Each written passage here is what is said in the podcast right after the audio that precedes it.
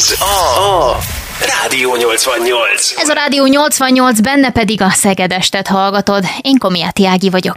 Mielőtt belevágunk a mai műsorba, fontos info lehet, hogy a Rádió 88 SoundCloud oldalán visszahallgathatóak az eddigi epizódok. Ahogyan azt már megszokhattad, ismét egy olyan témával érkezünk, ami érdekes lehet a szegedieknek és a környező települések lakóinak is. Vendégem ma este Molnár Krisztina, a Csongrád Csanád megyei katasztrófavédelmi igazgatóság szóvivője. Köszöntelek a stúdióban, Krisztina. Köszöntelek én is. Sokszor hallják a hallgatók a hangod a rádióban. De ki van e mögött? Ki az a Molnár Krisztina? Hogyan kerültél erre a pályára? Az, ahogy ide kerültem, teljesen hétköznapi volt, és véletlenszerű is szerintem. Anyukám hívott föl egyszer, hogy mintha látott volna egy hirdetést az egyik napilapban, mi szerint keresnek szóvivőt a katasztrófavédelemhez, és mivel kommunikációt tanultam itt Szegeden, egyértelmű volt, hogy valamilyen pályán szeretnék majd dolgozni. A határidő utolsó napján beloholtam a katasztrófavédelem portájára, és leadtam az önéletrajzomat, és onnantól kezdve én tudtam, hogy itt szeretnék dolgozni, és senki másé nem lehet ez a pozíció, csak az enyém. Nagyon akartam, nagyon szerettem volna ide bekerülni. Egyfajta belső motivációról beszélhetünk? Mi volt ez a egy motiváció? Tudod, az a belső érzés, amit nem biztos, hogy konkrétan meg tudsz magyarázni, hogy honnan jön, vagy miért, de, de főleg amikor utána néztem, hogy konkrétan mit kellene csinálni, és kiket kellene képviselni. És szembesültem azzal, hogy a tűzoltókat ez azért nagyon nagy feladat, és nagyon nagy büszkeséggel tölti el az embert. Már akkor is nagyon büszkén gondoltam magamra, amikor csak elképzeltem, hogy itt fogok dolgozni. De ezt nap mint nap megélni, hogy a tűzoltókról beszélhetsz, a tűzoltók munkájáról beszélhetsz, nagyon megtisztelő nagyon-nagyon jó feladat, úgyhogy már akkor azt gondoltam, hogy nem érdekel, hányan jelentkeztek, még egyébként nagyon sokan, én addig megyek előre, amíg csak lehet, és nagyon-nagyon akartam, hogy bekerüljek ide, ami nem volt egyszerű egyébként. Miért nem? Nagyon sok rostán át kellett menni. Először is be kellett menni meghallgatásokra, ahol különféle feladatokat kaptam, utána... De milyen jellegűeket, pszichológiai feladatokat? Utána mondjuk? jöttek, igen, először csak ilyen sajtós feladatokat írjak meg, egy sajtó meghívót, beszéljek három-négy percig egyfolytában. Utána jöttek a fizikai vizsgálatok, fizikai felmérők, ahol azért... Hány kiló, hány centi? Igen, meg hány kilométert futni, meg fekvőtámasztozni, hány meg függeszkedni. Futok úgy, hogy lefutok egy 10 kilométert, nem, az nem okozott gondot, az bár igen. akkor nem voltam éppen túl jó állapotban, de megcsináltam, de izgultam azon is, hogy meg tudom megcsinálni. Utána jött a pszichológia, ami szintén egy ilyen nagy átfogó vizsgálat, 300 kérdéses tesztel, és azért ott is van, akit kiszórnak a mai napig, aki már ott nem felel meg. Utána, utána jöttek a, az egyéb kanyarok, például a megyei igazgató úrral, dandártábornok úrral beszélni. Ő volt végül is az, aki utoljára rámondta az áment, hogy jöhetek. Ez egy három hónapos folyamat volt. Születésnapomon, április 15-én kezdtem az első munkanapomat a katasztrófa védelemnek, hogy születésnap ajándék is volt ez a munkahely akkor 2014-ben. Említetted a dandártábornokot. Hogyan épülnek föl ezek a rendfokozatok egyébként? Honnan kezdi az ember? Én tiszthelyettesként kezdtem, egy évig próbaidős voltam. A tiszthelyettes az egy zászlósi rendfokozat, de fél év után megkaptam a tiszti kinevezésemet. Először hadnagy lettem, majd főhadnagy. Egyébként ez már teljesen máshogy van, mint régen. Munkakörhöz kötik a rendfokozatot. De én mindig azt mondtam, hogy nem is a rendfokozata fontos. Tényleg nem fontos nekem legalábbis, de szerintem másoknak sem. Ami sokkal fontosabb az az, hogy minden nap egyenruhát vehetsz föl, és méltó vagy arra, addig, amíg azt nem mondják, hogy nem, méltó vagy arra, hogy fölvehess itt Magyarországon egy egyenruhát. És ez nagyon nagy dolog. Nekem legalábbis nagyon nagy dolog, és nagyon büszkén viselem az egyenruhát. Többféle egyenruhánk van, mindegyiket nagyon szeretem. Van a hétköznapi, van az ünneplős. Szerintem gyönyörű mindegyik. Ezzel egyet kell, hogy értsek. Nagyon, nagyon méltóságteljes, amikor egy egyenruhás belép egy helyiségbe, de technikai jellegű kérdés merült fel bennem, mint házi asszonyban. Igen. Több ilyenetek is van, vagy mindig mosni kell? hát igen, én több ruhát vasalok, mint egy átlag háziasszony, és mosok, mert reggel, amikor bemegyek dolgozni, akkor leveszem az utcai ruhámat, és belebújok az egyenruhámba, és egész nap Aha. abban vagyok, és délután öltözök vissza. Igen, ezeket mosni, vasalni mindig, és vinni be tisztán, mert ápoltnak kell lenni abban hát, is, tehát nem lehet szakadt, mindig tökéletes megjelenéssel kell ide-oda mennünk, szóval erre nagyon kell figyelni. Ja, igen, nagyon, nagyon, nagyon szeretem az egyenruhát. Még akkor is a dupla meló van vele, mint egy átlagembernek. Hány éve vagy akkor itt most a pályán? Kilencedik éve. Kilencedik éve. Igen. Az igen. Hihetetlen. És hogy még mindig ekkora lelkesedéssel beszélsz erről, azért az... Szerintem egyre nagyobb a lelkesedésem. Mindig azt látom, hogy minden nap lehet újat tanulni, és minden nap más ez a munka, minden nap hoz valami újat. Annyi kollégám van, ha elmegyek a szegedi tűzoltóságra, és velük beszélgetek, az is egy hatalmas nagy élmény, de ugye nem csak Szeged tartozik hozzánk, hanem mondjuk elmegyek Csongrádi tűzoltóságra, Makói tűzoltóságra, mindenhol, mindenhol új kollégák vannak, más kollégák vannak.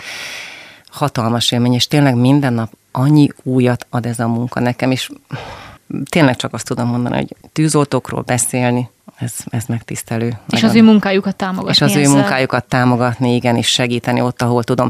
Ők azok, akik viszik az oroszlán részét ennek, és ők azok, akik mindig azt mondjuk rájuk, hogy hősök, valóban hősök.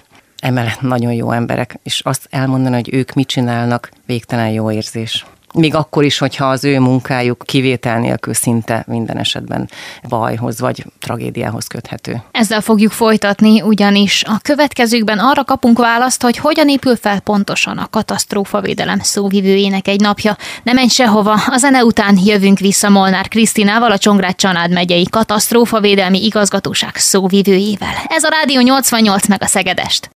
Rádió, Rádió 88. Most a Rádió 88-at hallgatod, ahol a Szegedestben a vendégem a Csongrád Csanád megyei katasztrófavédelmi igazgatóság szóvivője Molnár Krisztina. Ott tartottunk még az imént, hogy hogyan épül fel a katasztrófavédelem szóvivőjének egy napja. Hogyan indul a reggel, mikor kelsz, hogy telik a reggeli rutin, nyilván nem minden részletre kiterjedő, de hogy hogyan is néz ez az egész ki?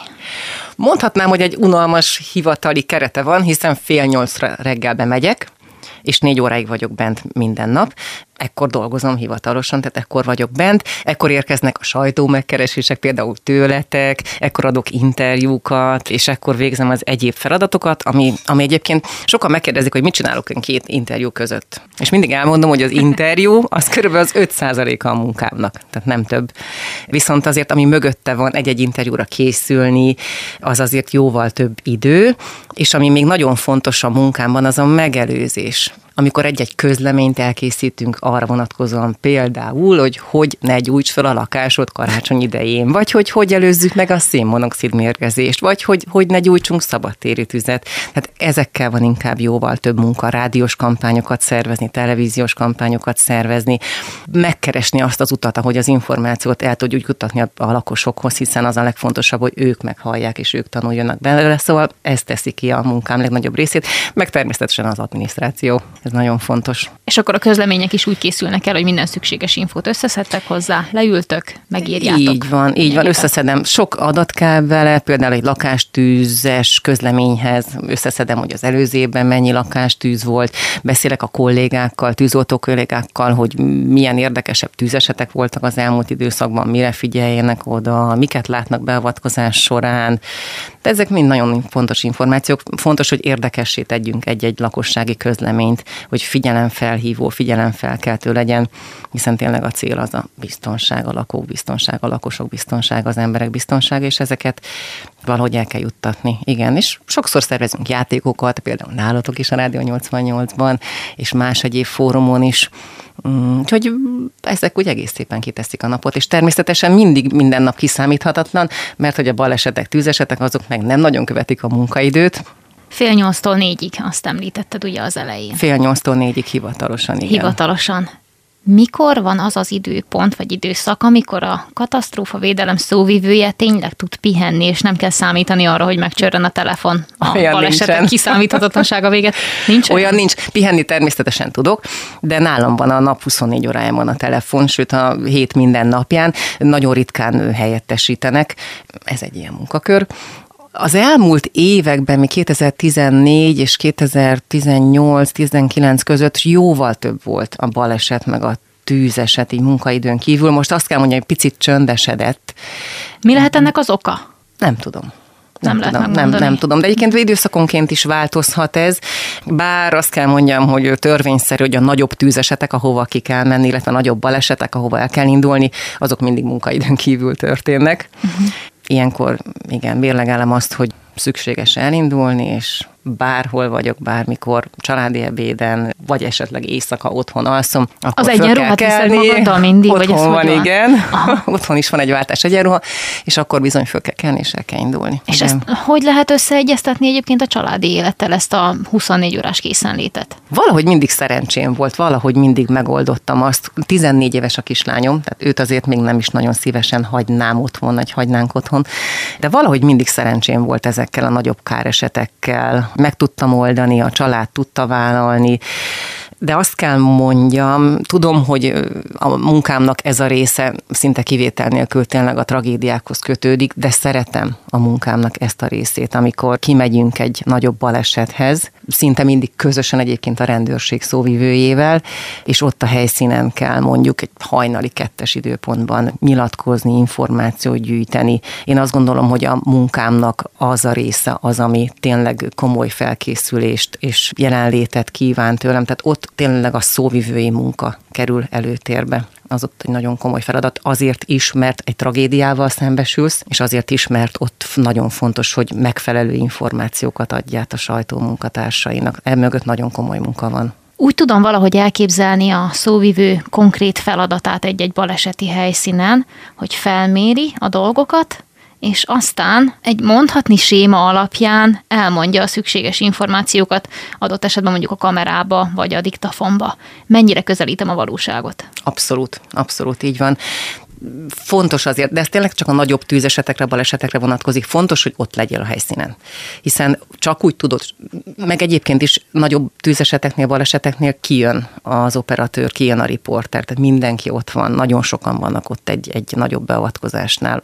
Szokta zavarni is. a munkátokat az ilyesmi egyébként? Nem, nagyon tudják ők, hogy meddig jöhetnek. De ha véletlenül úgy adódik, hogy valaki közelebb jön, mint engedélyezett, akkor szólunk nekik, és, és hátrébb húzódnak. De egyébként nagyon jól tudják a hogy hogyan kell viselkedni egy ilyen baleseti helyszínen, tehát ebből nincsen probléma. Igen, és ez történik, hogy kimegyek, tényleg akár éjszaka, vagy vasárnap délben, és az információgyűjtés az, ami, ami a legfontosabb, hogy begyűjtsem azokat az információkat, amiket érdekesnek találhat a sajtó, fontosnak találhat a sajtó, illetve a lakosok, mert a végcél az a lakosokhoz eljutatott információ. Ez sajnos sok esetben azzal jár, hogy a baleset közepébe kell bemennem, hiszen a tűzoltók ott van, velük kell, hogy beszéljek, tőlük kell, hogy megkérdezzem azt, hogy mit csináltak a balesetnél, mit láttak ilyenkor azért sok olyan dolgot lát az ember, amit nem biztos, hogy látni szeretne, főleg így nőként azt gondolom, hogy picit nehezebb is, de nem tudsz más, hogy megfelelő nyilatkozatot adni, vagy megfelelő információkat gyűjteni. Kell, hogy lásd, hiszen a tűzoltók között élsz, a tűzoltókat képviseled. Kell, hogy lásd, hogy mit csinálnak, vagy mit éreznek ők egy beavatkozás során. Volt már arra példa, hogy véletlenül megsérültél egy ilyen helyszínen? Nem, nem. A tűzoltók nagyon vigyáznak. Vigyáznak nem. Rád. Nagyon rendesek, mindig terelgetnek, mindig mondják, hogy merre ne menjek, sőt, hogyha egy nagyon csúnya baleset történik, vagy egy nagyon csúnya lakástűz, akkor mindig jönnek elém, és mondják, hogy most arra ne menj, meg arra ne néz. Kímélnek téged? Igen, igen, lehet? igen, amennyire lehet. Nyilván én sem keresem azt, hogy ki kell mondani most egy holttestet, hogy lássak egy balesetnél, de elkerülhetetlen. Próbálom elkerülni, és próbálok nem oda menni a közelébe, de nem tudom elkerülni. Tehát ez a munka ezzel jár. Hogyan küzdesz meg ezzel egyébként, hogyha olyat látsz, amit nem biztos, hogy szerettél volna? Ez érdekes, mert a legelső ilyen esetben, még 2014-ben történt egy halálos baleset itt Szeged közelében, és mindenből a legelső az egy meghatározó élmény, akár jó, akár rossz, és a legelső halálos balesetnél nagyon, nagyon megviseltek a látottak, nagyon rossz volt, és ezt észlelték a tűzoltók is. Oda jött hozzám az egyik tűzoltó kollégám, egy szegedi tűzoltó kollégám, és azt mondta nekem, hogy úgy álljak oda a kamera elé, és úgy nyilatkozzak, hogy tudjam, hogy ők mindent megtettek és ne legyen lelkismert fordulásom, amiatt, hogy nem sikerült megmenteni azt az embert. Nekik sincs, mert tudják, hogy mindig beletették a maximumot. Abból az adott helyzetből ezt lehetett kihozni. És ez nekem nagyon sokat segített. És tudom, hogy úgy megyek oda, azokat képviselem, azokat az embereket, a tűzoltóinkat, akik mindent megpróbáltak, mindent megtettek, és természetesen nagyon sokszor sikerrel is járnak. Van, hogy nem, van, hogy már nem lehet segíteni, ezt tudomásul kell venni. Maradj velünk a továbbiakban is, kedves hallgató. Nem sokára folytatjuk a beszélgetést Molnár Krisztinával, a Csongrád Csanád megyei katasztrófavédelmi igazgatóság szóvivőjével. Ez a Szegedest, most a Rádió 88-at hallgatod. Rádió 88. Szegedest a Rádió 88-ban, ezt hallgatod most. Molnár Krisztinával, a Csongrád Csanád megyei katasztrófavédelmi igazgatóság szóvivőjével beszélgetek. Kicsit vegyük elő most a konkrét eseteket, amit az imént már azért pedzegettünk. Olyan esetekre vagyok elsősorban kíváncsi, amik valamiért nagyon emlékezetesek számodra, akár itt Szegeden, akár a vonzás körzetében, és bármikor is történt, az időpont most nem számít. Kezdjük a jóval, vagy kezdjük inkább a rosszabbakkal? Kezdjük a rosszabbakkal, és a végére hagyjuk Jó. a jókat, hogy ne legyen annyira negatív kicsengés a végére. Na hát akkor a legjobb, leg, bocsánat, tehát a legrosszabb. A leg... Igen, igen. Milyen, milyen rossz élményekről tudnál? Hát nagyon-nagyon furcsa kérdés, hogy ezt így fölteszem, de mik azok az élmények, amik negatívként maradtak meg benned, és emlékezetesek számodra? Természetesen az összes halálos kimenetelű, akár baleset, akár tűzeset. Ez fontos tudni, hogy nálunk a nap 24 órájában elérhető a pszichológusi szolgálat, mind a tűzoltóknak, mind a kollégáknak. Nekem egyetlen egy alkalom volt, amikor ki kellett mennem, és a napos úton van a pszichológusunk, és beszélgetnem kellett egy picit vele. Ez Szeged környékén történt egy baleset, ahol egy másodperc alatt hét ember halt meg, köztük két gyerek ez mikor volt körülbelül? Ez körülbelül két éve volt. Itt az m autópályán a Baláscsai lehajtónál egy kamion áttért a szembesávba, és beleütközött két autó pont a benzintartájába. És abban a pillanatban, ahogy ütköztek az autók, ki is gyulladtak. Mind a két autó teljesen kiégett, és amikor én kiértem a helyszínre, akkor még az utasok ott voltak az autóban, még utána kezdték el a tűzoltó kollégáim kiemelni a maradványokat, ez nagyon nehéz volt főleg amiatt, hogy ugye ott beazonosítottuk a rendőr kollégákkal közösen, és két gyerek volt az egyik autóban. Összesen hét ember hunyt el, tényleg egy másodperc alatt. Az ott nagyon megviselte a tűzoltókat is, engem is. Ha vannak nehéz pillanatok, vagy voltak az elmúlt kilenc évben, akkor, akkor ez mindenképpen az volt és ott nem tudtam elkerülni, muszáj volt ott az autók mellett lennem, hiszen ott voltak a tűzoltók is, ott kellett, hogy beszéljek velük. És igen, ilyenkor nagyon nehéz összeszedni fejben az információkat, kiszűrni azt, hogy mi a fontos, és természetesen oda kell állni négy-öt-hat kamera elé, elmondani, hogy a tűzoltók mit tettek egy ilyen helyzetben, vagy mit tudtak tenni, ami a sajnosabb baleset áldozatainak szempontjából már idézőjelben mindegy volt, hiszen nem tudtak rajta segíteni, abban a pillanatban látták, hogy itt nincsen túlélő ebben a balesetben. Szóval ez, a, ez nagyon nehéz.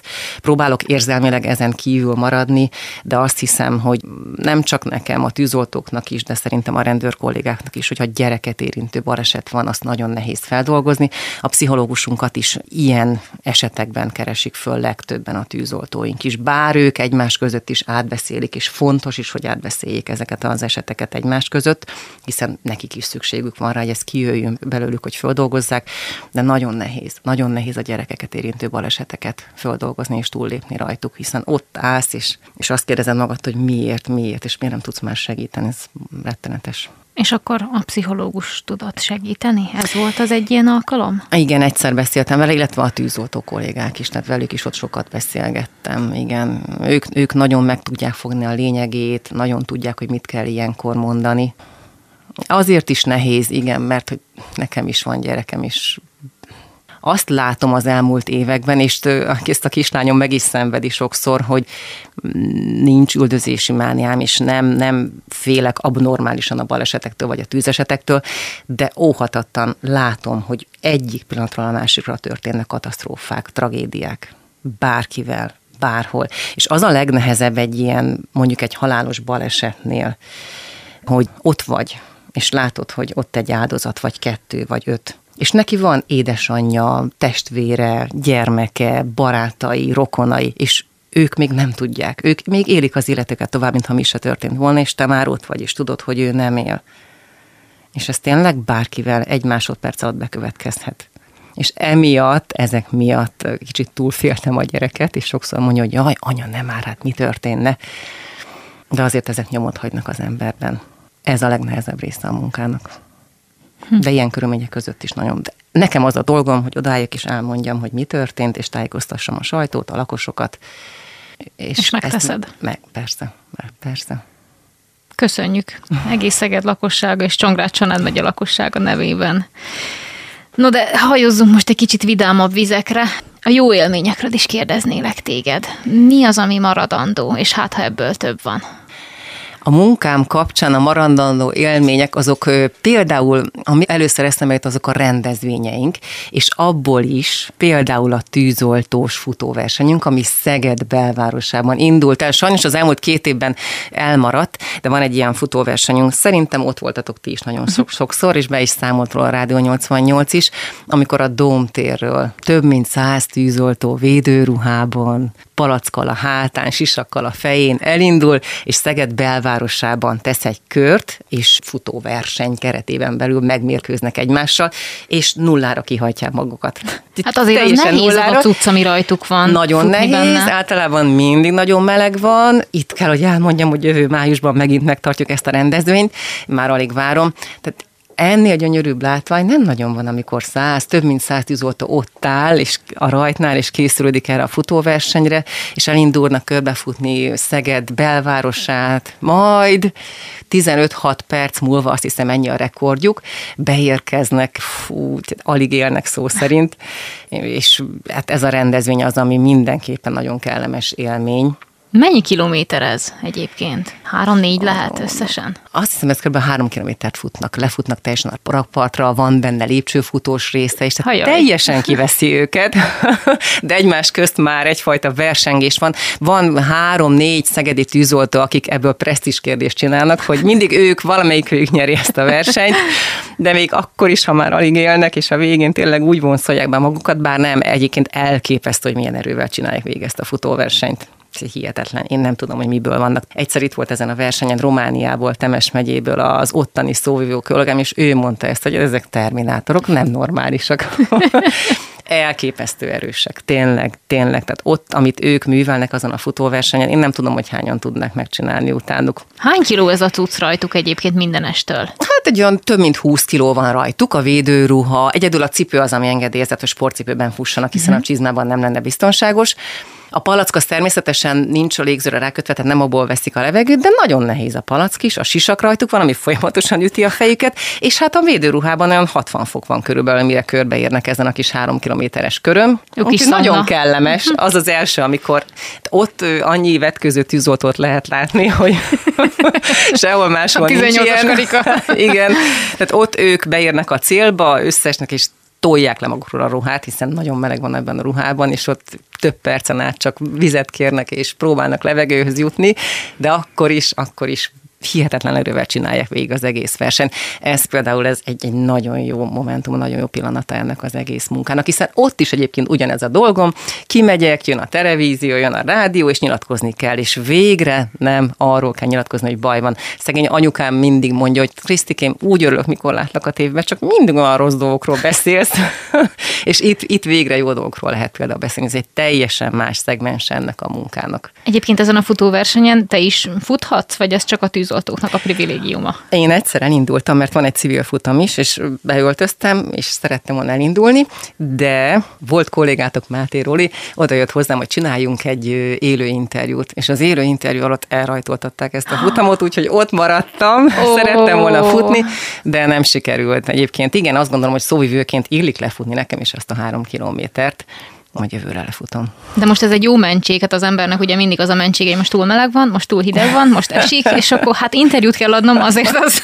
Ott most interjút kellett adnom, igen, és néztünk Rolival, hogy ú, elrajtolt a futamom, nem baj. Igen, de majd lefutom jövőre, bepótolom.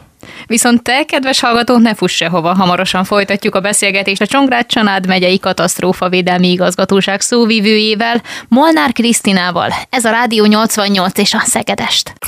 Rádió, Rádió 88. Ez a Rádió 88, és még mindig a Szegedestet hallgatod. Köszönjük, hogy velünk vagy. A stúdióban Molnár Krisztina, a Csongrád Csanád megyei védelmi igazgatóság szóvivője. A legleglegeknél tartottunk, a legjobb emlékeknél, élményeknél, és még itt a zene alatt említ említettél nekem egy néhányat, amit mindenképpen meg szeretnél osztani a hallgatókkal. Szakmailag, igen, az egyik legnagyobb kihívás volt egy szegedi tűzeset, azt hiszem két-három éve történt, de lehet, hogy már több is, most nem tudom pontosan, amikor egy szegedi telephelyen veszélyes hulladék égett. Ez azért volt mindenképpen kiemelt beavatkozás, mert több mint két napon át tartott nagyon-nagyon kemény meló volt a tűzoltók részéről, ott több tűzoltó rosszul is lett, el kellett látni őket. Hát ott összeszámoltam, egy nap 85 telefon érkezett be a szóvivői telefonomra, és több mint 30 interjút adtam egy nap alatt. Ez volt a rekord eddig. Szóvivő legyen a talpán. Így van, és ráadásul az nem egy olyan beavatkozás volt, ahol volt egy egyszeri tűzoltói mentés, és azt el kellett mondani, hanem folyamatosan változtak a körülmények. Ugye ott folyamatosan méréseket végeztünk, a mobil laborunk folyamatosan mérte a levegőben az esetleges mérgező vagy szennyező anyagok összetételét, folyamatosan tájékozódni kellett, hogy most mit történt, most hol tartanak a munkálatok, mindig új infók voltak. Volt olyan szerkesztőség, akik óránként kértek friss infókat, tehát ott, hú, az, az, egy, az egy nagyon kemény két nap volt, hiszen két napon át kellett nyilatkozni. Szakmailag mindenféleképpen egy nagy kihívás volt, de egyébként ugyanilyen volt a 2019. szeptemberi vihar itt Szegeden. Igen amikor több ezer lakossági bejelentés érkezett. Ezek a beavatkozások egy picit azért felszabadultabb vagy, vagy lazábbak, mert ugyan nagyon nagy anyagi kár keletkezett mindenhol, de nem történt személyisérülés. És ez, ez, ez mindig más, bennem is ad mindig egy más hangulatot, vagy más alaphangot ha nem történik sérülés, de még az a 19. szeptemberi vihar volt az, ahol tényleg a stábokkal mentünk a tűzoltóautó után, több napon keresztül számolták fel a viharkárokat, mindig friss információkat kell gyűjteni, hogy most hány lakossági bejelentés érkezett még, hol milyen károk vannak, mit csinálnak a tűzoltók, akkor már a környező összes megyéből jöttek a tűzoltók segíteni, hiszen nem volt elég a Csongrád megyei tűzoltóegység az is még szakmailag egy nagy kihívás volt, nem csak a tűzoltóknak, hanem, hanem nekem is. Ott tudom, nagyon sokszor elmondunk azt, hogy szinte mindenhol tűzoltó autó van az utak mellett, vigyázzanak rájuk a lakosok. Ott sokan vittek nekik élelmiszert, italt, mint most nyáron például a szabadtéri tűzeseteknél is ez volt. Szóval az is egy más jellegű munka volt, igen. Említetted, hogy szükség volt arra, hogy más településekről is érkezzenek tűzoltók azért, hogy tudjanak nektek segíteni. Hány emberrel kell egyébként naponta együtt dolgoznod, ami a te körzetedet érinti? Legtöbbet a szegedi tűzoltókkal dolgozom. Azt tudni kell, hogy Szegeden mint egy több mint 120 tűzoltónk van. Naponta több mint 30-an vannak benne a laktanyában. Tehát ők azok, akikkel a legtöbbet dolgozom együtt, hiszen Szegeden van messze a legtöbb beavatkozás. Tehát ha összehasonlítunk mondjuk egy szegedi laktanyát, vagy egy csongrádi laktanyát, ők jóval kevesebbet vonulnak, hála Istennek, ott jóval kevesebb baleset van.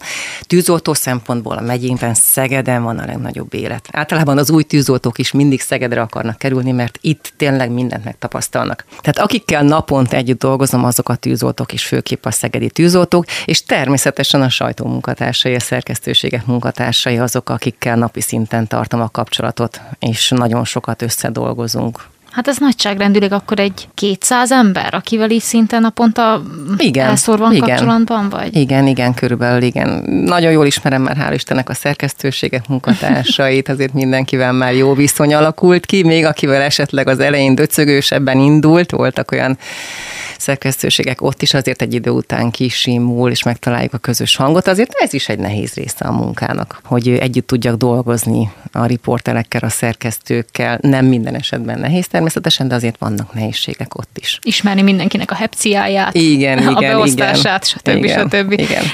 És egyébként milyen egyéb szervekkel működtök együtt, akár napi szinten, akár ritkábban? A mentéseknél is ugye legtöbbször a tűzoltók a rendőrökkel és a mentőkkel dolgoznak együtt, és ugyanez megvan szóvivői szinten is, tehát nagyon sokat dolgozunk közösen a rendőrség, illetve a mentők szóvivőivel, szóvivőjével. Hogyha van egy nagyobb baleset, egy nagyobb tűzeset, akkor nagyon fontos például az, hogy a helyszínen a rendőrség szóvivőjével elsősorban egyeztessünk, megbeszéljük, hogy mi történt, tényleg ugyanazok az információk hangozzanak el.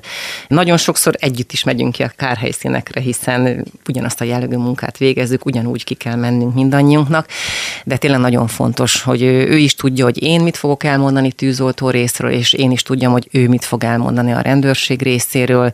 Nagyon sok esetben közös kampányokat szervezünk, vagy jótékonysági akcióban veszünk részt a mentőkkel és a rendőrökkel közösen. Nagyon sok ilyet csináltunk az elmúlt években. Sajnos a Covid azért sok mindenből visszavet nálunk is, de tényleg nagyon sokszor van az, hogy Például egy sportfelhívás keretén belül együtt fekvő támaszoztak a tűzoltók, a mentők és a rendőrök, ez egy nagyon kellemes kis élmény volt, és jótékonykodtunk vele beteg gyermekekért. Tehát ilyen szinten is nagyon sokat dolgozunk együtt, illetve a lakosok védelmében is nagyon sok kampányt indítunk rádióban, televízióban. Ezek is nagyon fontos részét képezik a munkánknak. Nagyon jó összedolgozni velük, és eredményes is mindig az az összefogás közöttünk. Jellemzően az év melyik szaka az erősebb? Ezt azért kérdezem, mert ugye nyáron van az a rengeteg tűzeset, amiről mi is beszámolunk. Viszont télen, meg a karácsonyi háztartási balesetek, tehát ki sem lehet őket kerülni a hírekben. Mit mondanál szóvivőként, melyikből van a több? Hú, hát most, ha most kérdezed, akkor mindenképpen azt mondom, hogy nyáron volt a legkeményebb időszakunk. Az idei nyár az hú, Szegeden, Szeged környékén, illetve a környező településeken kiemelt volt. Minden rekordot megdöntöttünk szinte. A száj volt nagyon sok. most. Igen. igen, nagyon a szájos időszak volt tényleg már, már civil összefogás indult a tűzoltókért, és én is számtalanszor elmondtam, hogy figyeljünk oda, mert nagyon sok tűzeset emberi módatlanság miatt volt, figyeljünk oda, és hagyjuk már őket pihenni, szerencsétleneket, mert tényleg nem bírják. Nagyon-nagyon sok ezt kellett vonulni. Az idei nyár ez ilyen volt. Szinte nem is volt más. Néha becsúszott egy-két baleset, de az már föl se tűnt nekünk, mert reggeltől reggelig a szabadtéri tűzesetek felszámolását végezték a tűzoltók. Aztán most beindult ősszel a fűtési szezon. Ilyenkor jön a szél szénmonoxid, lakástüzek megelőzése, ez is nagyon sok odafigyelést és munkát igényel.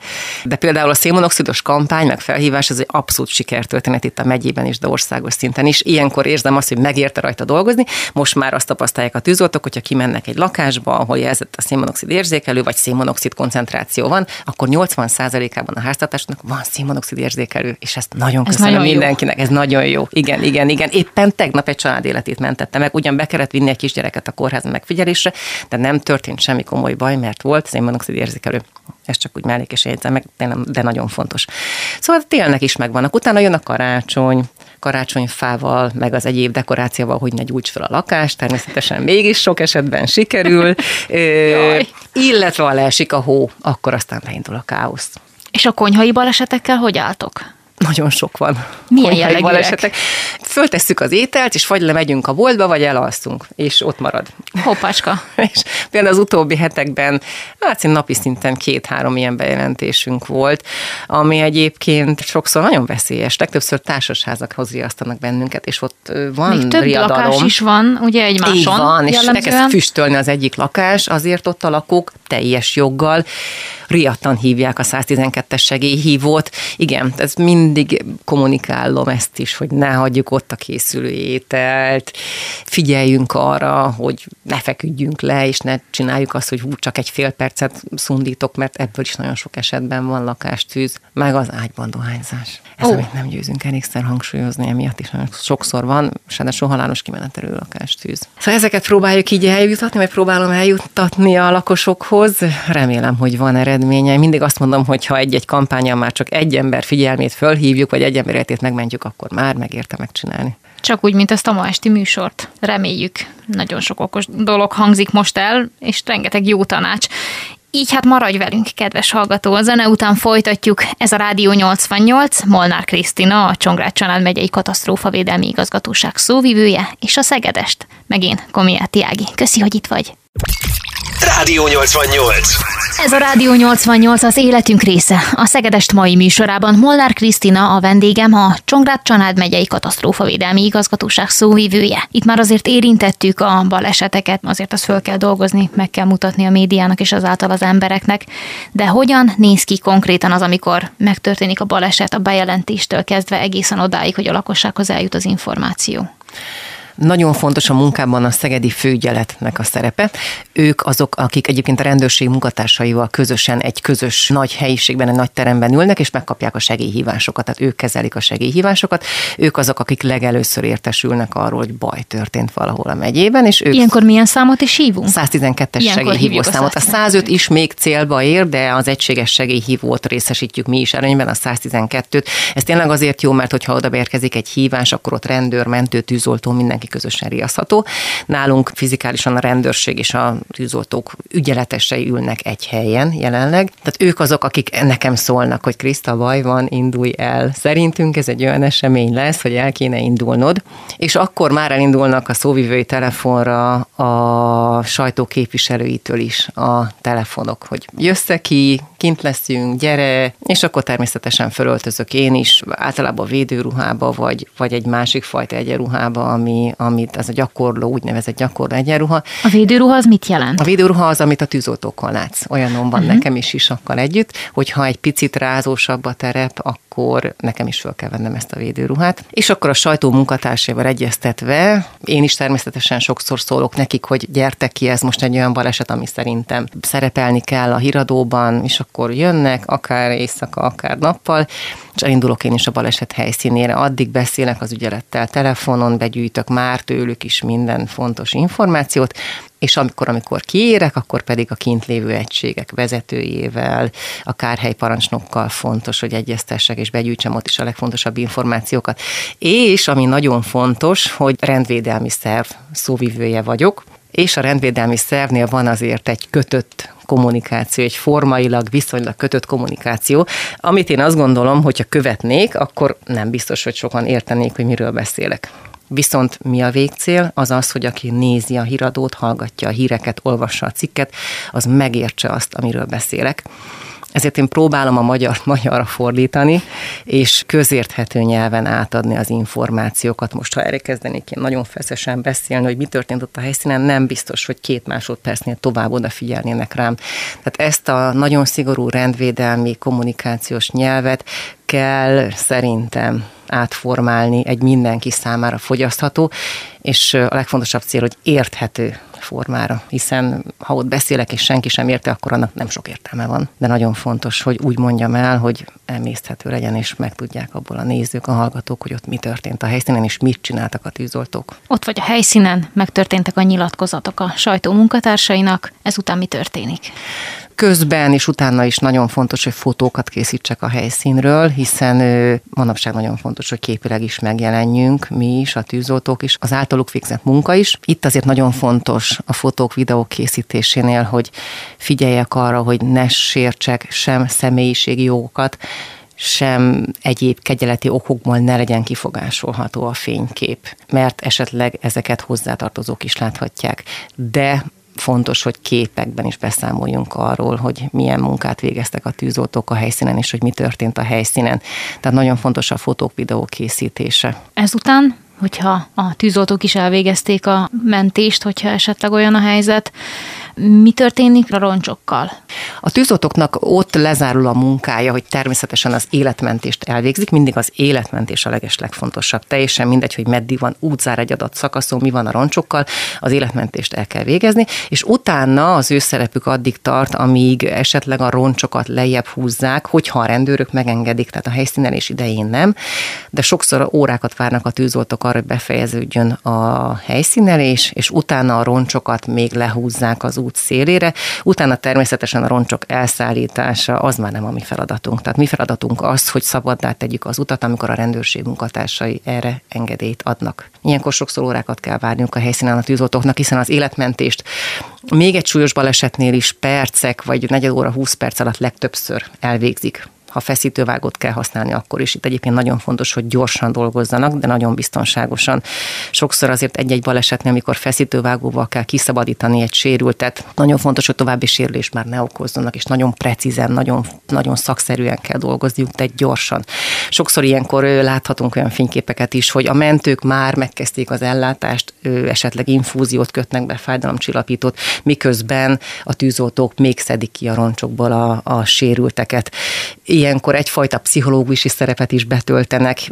Sokszor van, hogy még a mentők nem érkeztek ki, és a tűzoltók már ott vannak, megkezdik a kiemelést, és nyugtatni kell a sérültet, nyugtatni kell azt az embert, aki ott beszorult a roncsok közé, hiszen teljesen érthetően meg van ijedve, és pánikba van esve és hallottam már egyszer-egyszer, hogy milyen megnyugtatóan tudnak velük beszélni a tűzoltók, és milyen sokat jelent az, hogy beszélnek velük a tűzoltók. Ez hm. is egy nagyon fontos része a munkájuknak. Ezután, miután megtörtént a mentés, megtörtént a nyilatkozat, ki is várták a megfelelő időt, amit ki kell várniuk a tűzoltóknak ilyenkor. Mi a következő lépés? Visszamennek a laktanyába? Igen. És indul az adminisztráció?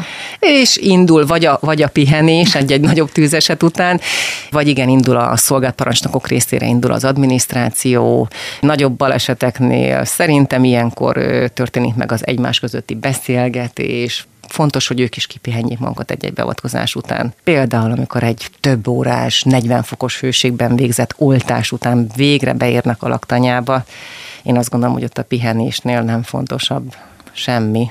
Ez a nehéz munkakör, pszichésen és fizikailag is megterhelő munkakör összekovácsolja a csapattagjait? Nagyon nagyon a közös mentések mindenképpen, illetve az, hogy ők ugye 24 órát együtt töltenek. Minden harmadik napot együtt töltik bent a laktanyában.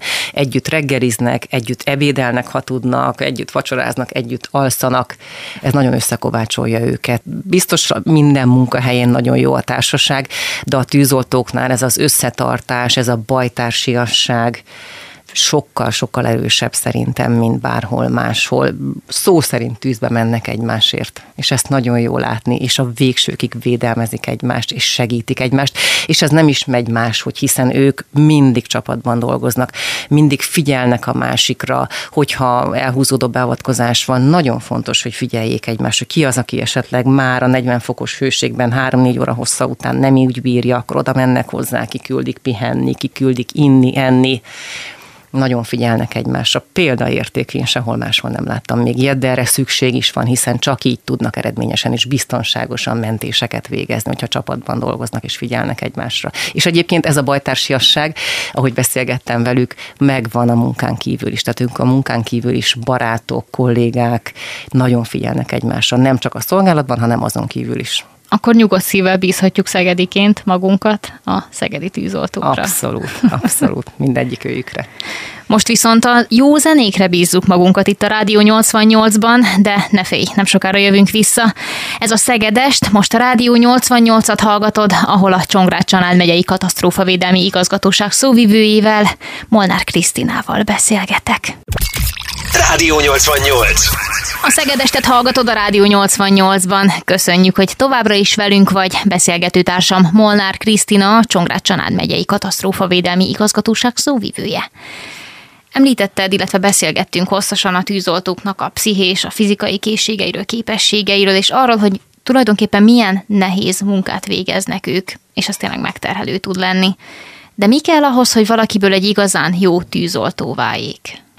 Szoktam beszélni az új tűzoltókkal, akik érkeznek hozzánk, hiszen azért mindig vannak új felszerelők. Gyakran van ilyen egyébként? Mm, nem túl gyakran, de azért minden évben jön új tűzoltó, egy 10-12 új tűzoltót mindig fogadunk, és mindig beszélgetek velük, hogy miért jött ide, mi, mi vezette ehhez a hivatáshoz, és azt látjuk, hogy tényleg abból lesz a jó tűzoltó, és az az ember lesz ott sokáig nálunk a laktanyában, aki azt mondja, és nagyon sokan mondják ezt, hogy ő már óvodás korában tűzoltó szeretett volna lenni. Tehát nagyon sok olyan férfi érkezik hozzánk, aki tényleg a gyermekkori álmát váltja valóra.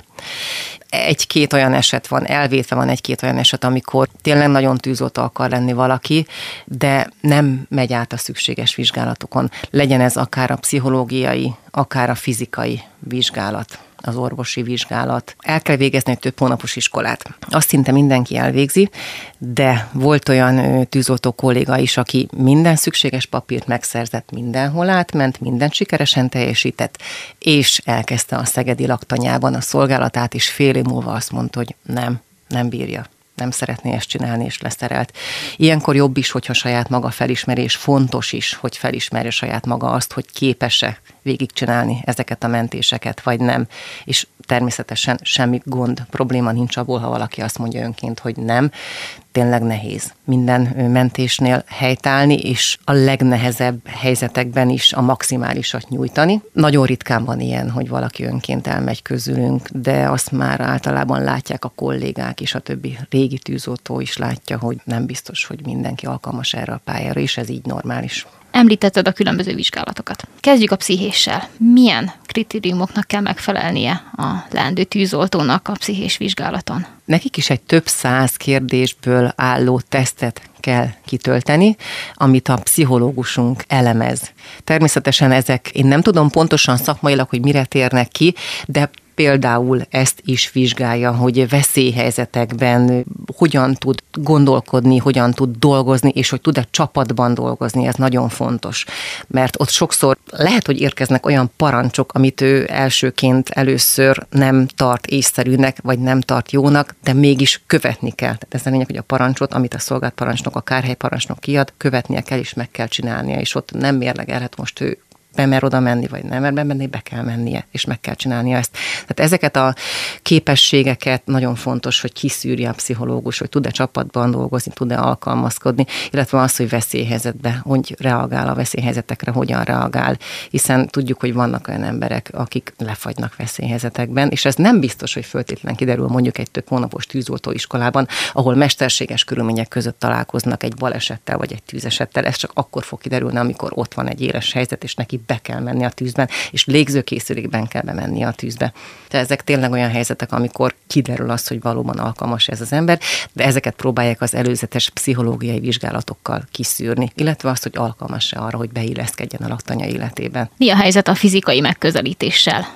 Minek kell megfelelni? Nagyon fontos, hogy ezt mindig látjuk, hogy jó fizikai erőnléte legyen a tűzoltónak, hiszen nagyon sok esetben van olyan, hogy például föl kell szaladni tömlőkkel együtt egy panelház 9. emeletére, hiszen ha tűz van, nem működik a lift, és is vicces is lenne, hogyha egy tűzoltó a lifttel érkezne meg tüzet oltani, és oda föl kell tudni szaladni védőruhában, akár a 9.-10. emeletre is.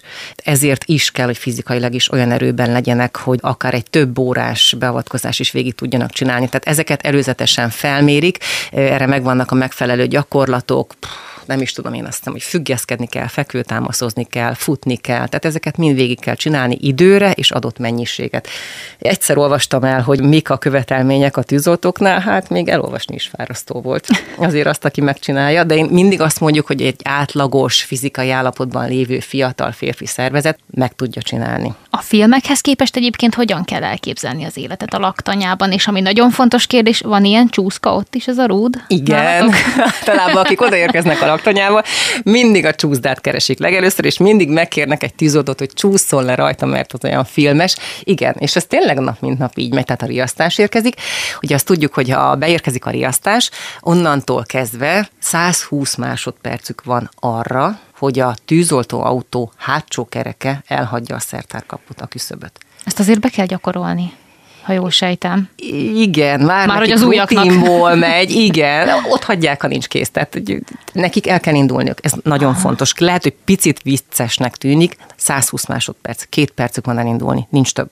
Tehát az akkor a hátsó nem keréknek nem sok. Nem Úgy, sok. hogy lehet, hogy éppen mondjuk a tűzoltó az étkezőben reggelizik, vagy ebédel ők így élnek, tudják, hogy bármikor beeshet egy riasztás, és akkor rohannak, mint bármit csinálnak, ott kell hagyni, és akkor beleugranak gyorsan a ruhájukban, vagy a tűzoltóautóban veszik fel a ruhát, de ott van a ruhájuk mindig kikészítve, vagy tényleg csak így fölülről beleugranak, és már rajtuk van a bakancs is, a csizma is, meg a nadrág is, és ilyenkor a csúszdán érkeznek meg legtöbb esetben a fönti helyiségekből, mondjuk a pihenőkből, lecsúsznak, ez a leggyorsabb. Egyszer mentem fel, és gondoltam, kipróbálom, lecsúszok, nem, nem mertem. Tehát úgy éreztem, hogy nem is fogom elérni a csúszdát, nem tudok ráugrani, annyira messzire kellett volna ugrani, soha nem próbáltam ki, nem merném, én nem tudom, hogy hogy csinálják. De hány emelet magasról jön? Hát a csúszda körülbelül egy 5-6 méter magas nálunk a szegedi tűzoltóságon például. És egy szivacs van az alján, hogy azért ne annyira kemény földre, talajra érkezzenek. Igen, ezt nagyon szeretik a gyerekek is nézni a laktanyában, amikor ott vannak nálunk, meg a felnőttek is természetesen. Én nem mernék rajta lecsúszni. Hát ezt elmesélem Berni kolléganőmnek, mert amikor mielőtt érkeztél a stúdióba, pont is kuráltunk, hogy na, mit kéne még megkérdezni a Krisztinától. és, és hát kérdez már meg, hogy van-e ott ilyen csúszka. Van, mi, is. mi csúszkának kereszteltük el, mert egyikünk se tudta, hogy ezt hogy hívják szakszerűen. Csúszda. De akkor csúszda, és az egy rúd tulajdonképpen. Szeretettel várunk benneteket. Szabadon foglak. Ez a Rádió 88 viszont, és a Szegedestet hallgatod most. Nem sokára véget ér a műsor, azért még van néhány kérdés a tarsolyomban, nem kell nagyon megijedni. Maradj velünk, a zene után érkezünk vissza Molnár Krisztinával, a Csongrád Csanád megyei katasztrófavédelmi igazgatóság szóvivőjével. Én Komiáti Ági vagyok. Ez a, a Rádió 88. Ez a Rádió 88, benne pedig a Szegedestet hallgatod. A stúdióban továbbra is Molnár Krisztina, a Csongrád Csanád megyei katasztrófavédelmi igazgatóság szóvivője. Milyen esetekben kell és szükséges értesíteni a katasztrófavédelmet, akárha civilek, akárha intézményképviselői, akárha szervképviselői vagyunk? Én nem is biztos, hogy így külön választanám, hiszen nagyon fontos, hogy bárki bármilyen szervezetet képvisel, vagy akár a saját védelmét, saját biztonságát érzi veszélyben, nagyon fontos, hogy azonnal hívja a 112-t, ha veszélyt látunk, ha magunkat érezzük veszélyben. Nagyon fontos, hogy minél hamarabb tárcsázzuk a 112-es segélyhívószámot, mert nálunk az idő a legfontosabb tényező, és minden veszélyhelyzetben az idő az, ami ilyenkor maximálisan ellenünk dolgozik, és ezért fontos az, hogy minél hamarabb beérkezzen az a segélyhívás, és minél hamarabb el tudjanak indulni a tűzoltók. Tehát tényleg, ha bárki veszélyt lát, vagy saját maga kerül veszélybe, akkor ne tétovázzon 112, ezt kell tárcsázni, és eléri a mentők, a tűzoltók és a rendőrség munkatársait is azonnal, és tényleg egy rövid egyeztetést követően nagyon fontos elmondani, hogy mi történt, hol történt, van-e emberélet veszélyben, és akkor elindulnak az egységek, itt a Szegedi Főügyelet is riasztja az egységeket, fölmérik a kollégáim azt, hogy mondjuk egy ház, egy lakástűzhöz milyen erők, milyen eszközök szükségesek, milyen tűzoltóautót, milyen egységet riaszton, abból mennyit, és akkor pillanatok alatt elindulnak a kollégáim. De nagyon fontos, hogy ehhez be kell, hogy érkezzen a segélyhívás. Amikor a segélyhívó tárcsázzuk, jellemzően milyen kérdéseket tesz fel a diszpécser? Természetesen be kell egy rövid azonosítással magunkat azonosítani, kik vagyunk, honnan telefonálunk. A telefonszámot nem kell elmondani, hiszen még egy letiltott szám esetében is nekünk a rendszer kijelzi azt, hogy milyen hívószámról hívnak bennünket, és el kell mondani azt, hogy hol vagyunk, mit látunk, mi ég, vagy milyen baleset történt, hogy van-e emberélet veszélyben, ezek nagyon-nagyon fontos információk, és akkor ezt követően a diszpécser elindítja a szükséges egységeket, akár a mentőket, akár a tűzoltókat, vagy akár a rendőröket, de általában azért mindhármójuk megérkezik egy-egy káreset helyszínére. A tűzoltók nem csak a balesetek helyszínén szoktak tevékenykedni, olyanról is hallani, hogy például cicát mentenek, és hasonló aranyos történetek. Milyen jellegű sztorikról tudnál beszámolni? Igen, a tűzoltók mindig kiemeljük, hogy ők az életmentésre esküdtek föl, és ezt Mindegy, nagyon komolyan cica, veszik. Vagy ember. És ez igen, mindenki az emberre korlátozott, de természetesen nem csak az emberről szól, az állatmentésről is szól. Hú, hát az elmúlt években minden volt állatmentés területén is, a veréptől elkezdve a lovon át, a teheneket, őzeket. Mi történhet egy lóval vagy egy tehénnel? Tehát gondolom a fára azért nem megy föl. Nem, ők nem mennek föl a fára. Hát a lovaknál volt olyan, például a legutóbb mentettünk egy Málna nevű lovat, aki belecsúszott a csatornába. Oh. és nem tudott kijönni onnan, hiszen a ló azért egy fekvő helyzetben nagyon tehetetlen, nem volt veszélyben, illetve mégis veszélyben volt a csatornában, hiszen a csatornában víz is volt, de egyszerűen nem tudták onnan kihúzni máshogy, csak a tűzoltók segítségével. Ilyenkor a tűzoltók egy hámot kötnek, vezetnek át a hasa alatt, és óvatosan a tűzoltóautóra kötve kihúzzák ezt a lovat. Ilyenkor mindig kérünk segítséget, vagy egy állatorvost a helyszínen, vagy bárki mást, aki ért a lovakhoz, hiszen meg kell nyugtatni ezt az állatot,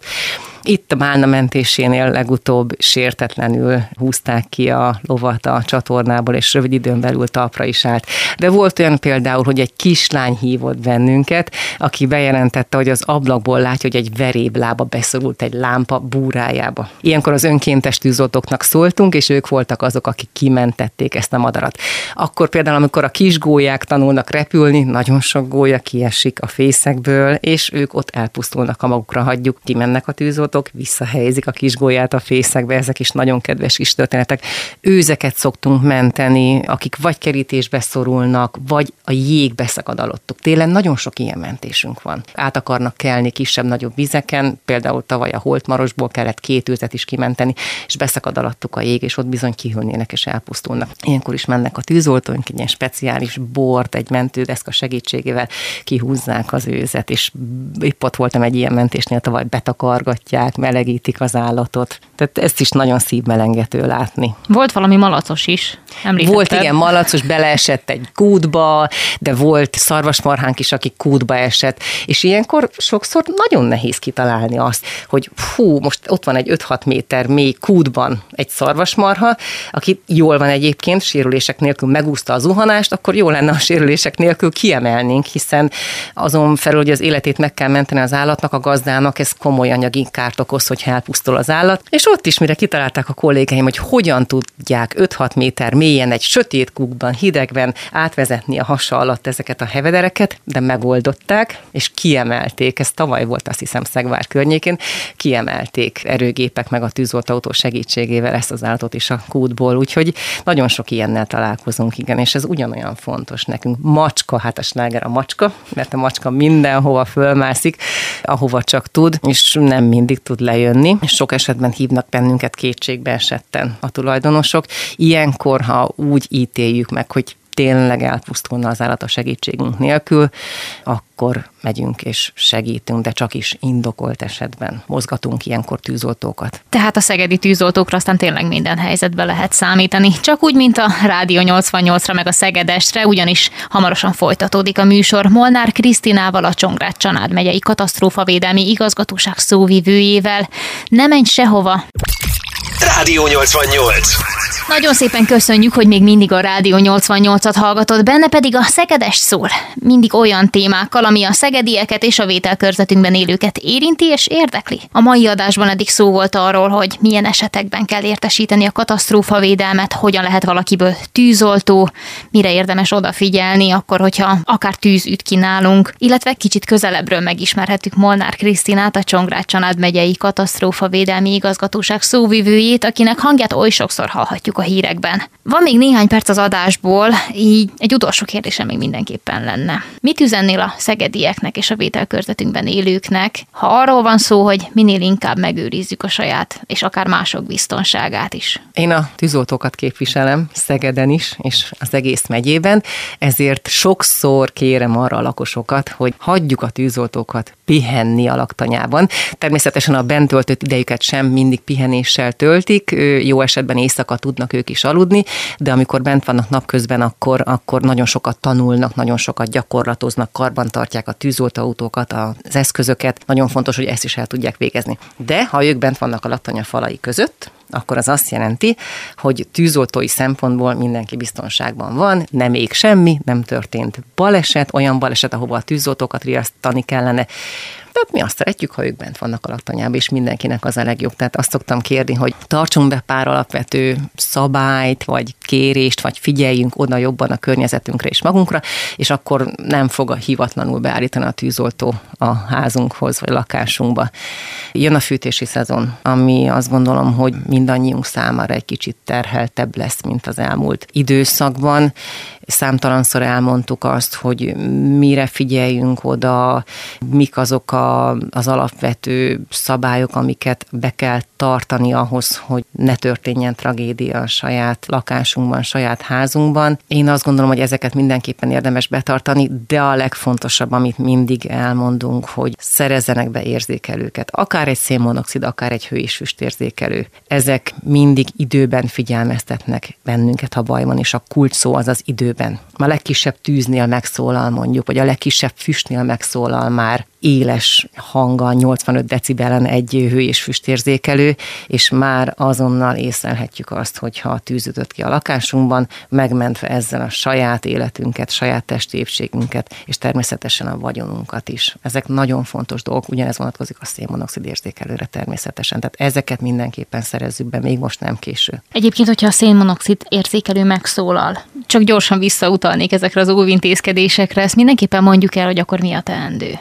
Ez nagyon fontos, igen, köszönöm is, hogy megkérdezted, mert nagyon sokan ott állnak, és nem tudják, mit csináljanak, ha megszólal a szénmonoxid érzékelő. Például nem szabad összeverni, mert ilyet is láttam már, hogy mérgében valaki elpáholt a szerencsétlen eszközt. Ha jó berendezésünk van, megfelelő helyről szereztük be, és jól működik, fel van töltve benne az elem, ha például elemmel működik, ha hálózatról akar, nem kell figyelni, de nagyon fontos tudni és bízni a készülékben, tehát tudni azt, hogy a készülék akkor jelez, ha baj van. Hiába nincsen még fejfájásunk mondjuk egy szénmonoxid koncentrációnál, egy megemelkedett koncentrációnál, a készülék jelez, akkor higgyünk neki, hiszen ennek a készüléknek az a lényege, hogy még a legelső testi tünetek előtt jelezzenek nekünk, hogy baj van. És tényleg csak akkor jelez, ha baj van. Nagyon sok ilyen beavatkozásunk van. Tehát ha jelez az érzékelő, akkor higgyük el, hogy gond van, higgyük el, hogy ott van a szénmonoxid a lakásunkban, értesítsük a tűzoltókat a 112-es telefonszámon. Ilyenkor a kollégáim kimennek a helyszínre, vannak nekik egy kicsit komolyabb, speciálisabb műszereik, mint a háztartási szénmonoxid érzékelő,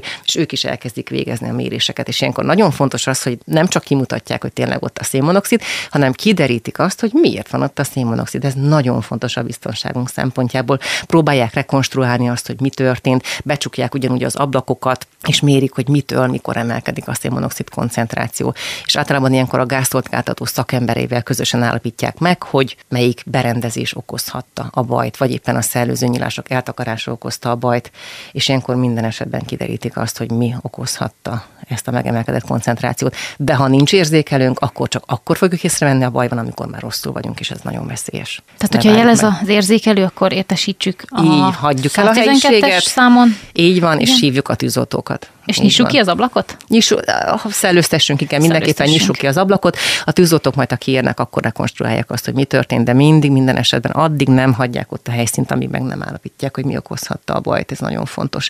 Elsősorban azok vannak veszélyben, és ezt mindig fontos hangsúlyozni, akiknek nyílt égésterű tüzelőfűtő berendezésük, vízmelegítőjük van, ez a boiler, hétköznapi néven boiler. Ha ilyenünk van, mindenképpen vegyünk egy érzékelőt.